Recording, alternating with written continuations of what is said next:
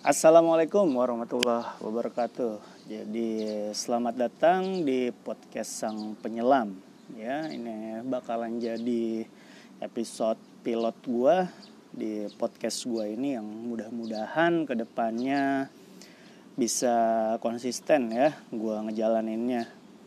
Oke, sedikit perkenalan dari gua. Nama gua Denny. Kebetulan gue seorang instruktur selam atau biasa dipanggil dive instructor ya di bawah lisensi PEDI. PEDI itu kalau masih banyak yang belum tahu, PEDI itu adalah salah satu provider lisensi selam yang paling besar saat ini ya di dunia. Uh, PEDI itu sing lebih singkatannya adalah Professional Association of Diving Instructor, PEDI ya. Itu dia.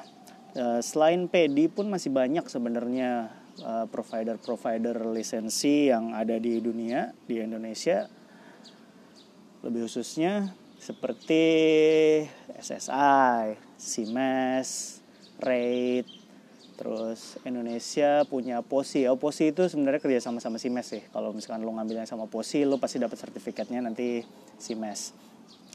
Ya dari sekian banyak provider lisensi, gue mungkin kebanyakan di sini gue bakal ngomongin standar tentang pedi karena gue pahamnya di pedi nanti kemungkinan kalau misalnya kita pengen ada pertanyaan atau pengen ngomongin dari lisensi lainnya insya Allah gue bakal ngundang teman-teman gue beberapa orang yang gue kenal yang mungkin di bawah lisensi uh, diving yang lain ya. Kayak SSI, SIMAS yang tadi gue sebutin. Nah sedikit sejarah tentang gue gue ya tadi yang gue bilang gue dive instructor gue menyelami dunia ini jadi gue udah hidup dari industri ini sekitar lima tahun ke belakang ya dimulai dari tahun 2015 ketika gue pindah ke Bali. Jadi di Bali itu ada salah satu pulau namanya Pulau Nusa Lembongan. Nah di situlah gue mulai karir gue jadi sekitar 40 menit masih naik kapal dari Bali Sanur lebih tepatnya untuk mencapai Nusa Lembongan di Nusa Lembongan pulau tetangganya pun ada Nusa Penida dan Nusa Ceningan. Jadi awal-awal karir gue dimulai di situ di tiga pulau itu ya. Setelah itu gue ada setelah beberapa beberapa tahun di sana gue memikirkan untuk pindah cari pengalaman lain akhirnya gue dapat kerjaan di liveaboard untuk diving di seputaran Nusa eh Nusa sorry Pulau Komodo ya Pulau Komodo, Pulau Rinca, jadi Taman Nasional Komodo. Jadi startnya itu dulu gue mulai dari Bali, naik kapal, lewatin Bima, ada beberapa dive set juga di Bima. Terus kemudian sampailah di Labuan Bajo, kemudian gue diving sekitar situ. Jadi nggak lama juga sih, sekit, tapi sekitar 100 dive lah, lumayan lah, sekitar satu bulan kurang lebih.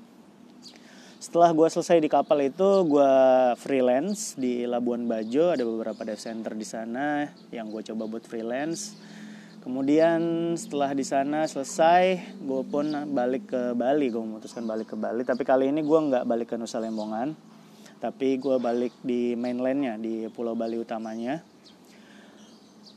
Gue kerja di situ kurang lebih sekitar 2 tahun, ya. Terus akhirnya sebelum COVID ini di 2020, tepat sebelum COVID jadi bulan Januari gue resign. Uh, gue memutuskan buat balik ke Jakarta atau lebih tepatnya di Bekasi. Ya bukan Jakarta sih Jawa Barat. Ya Bekasi. Sekarang gue tinggal di Bekasi. Dan setelah gue nganggur selama kurang lebih satu tahun ya hampir satu tahun ya gue bulat satu tahun gue memutuskan untuk bikin podcast ini.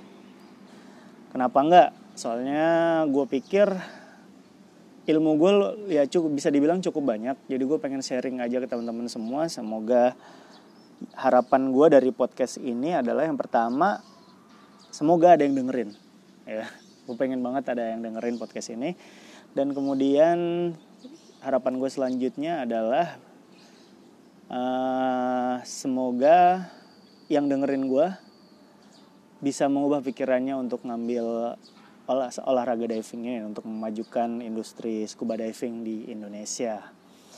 Selain itu buat yang orang-orang yang udah diving, kebetulan udah diving, semoga aja lo bisa ngambil manfaatnya juga dari podcast gue ini tentang tips and trick, bagaimana menjadi diver yang lebih baik, seperti itulah ya.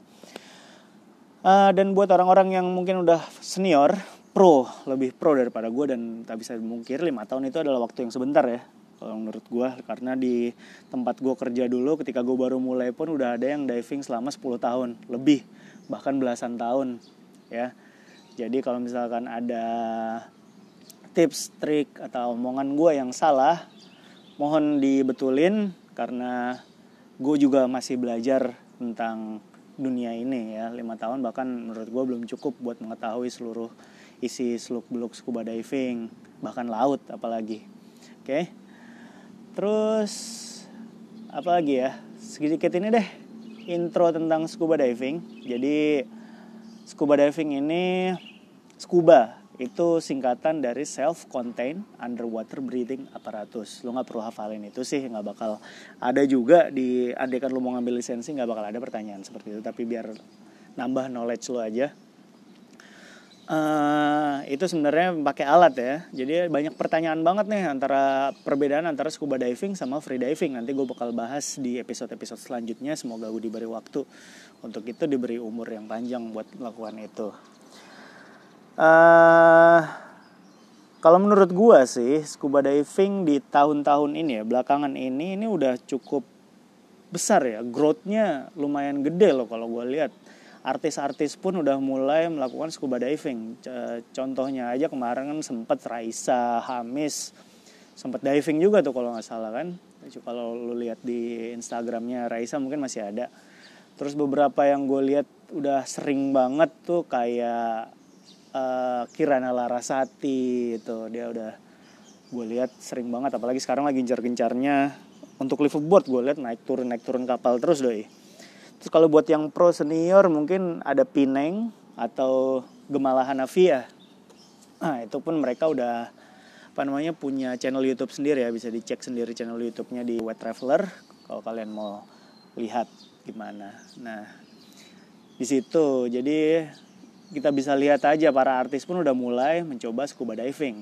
Kita sebagai orang biasa lah ya, kayak gue juga orang biasa. Kenapa sih nggak mulai scuba diving? Soalnya kenapa? Indonesia itu 70% bro. 70% itu air.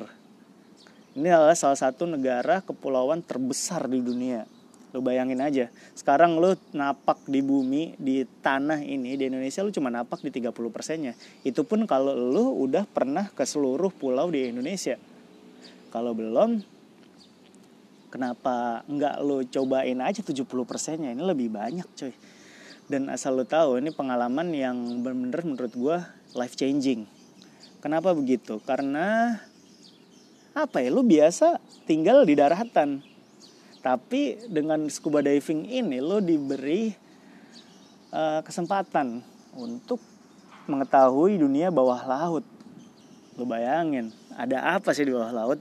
Mungkin ya gue di sini mencoba buat mengubah perspektif lo tentang laut, men.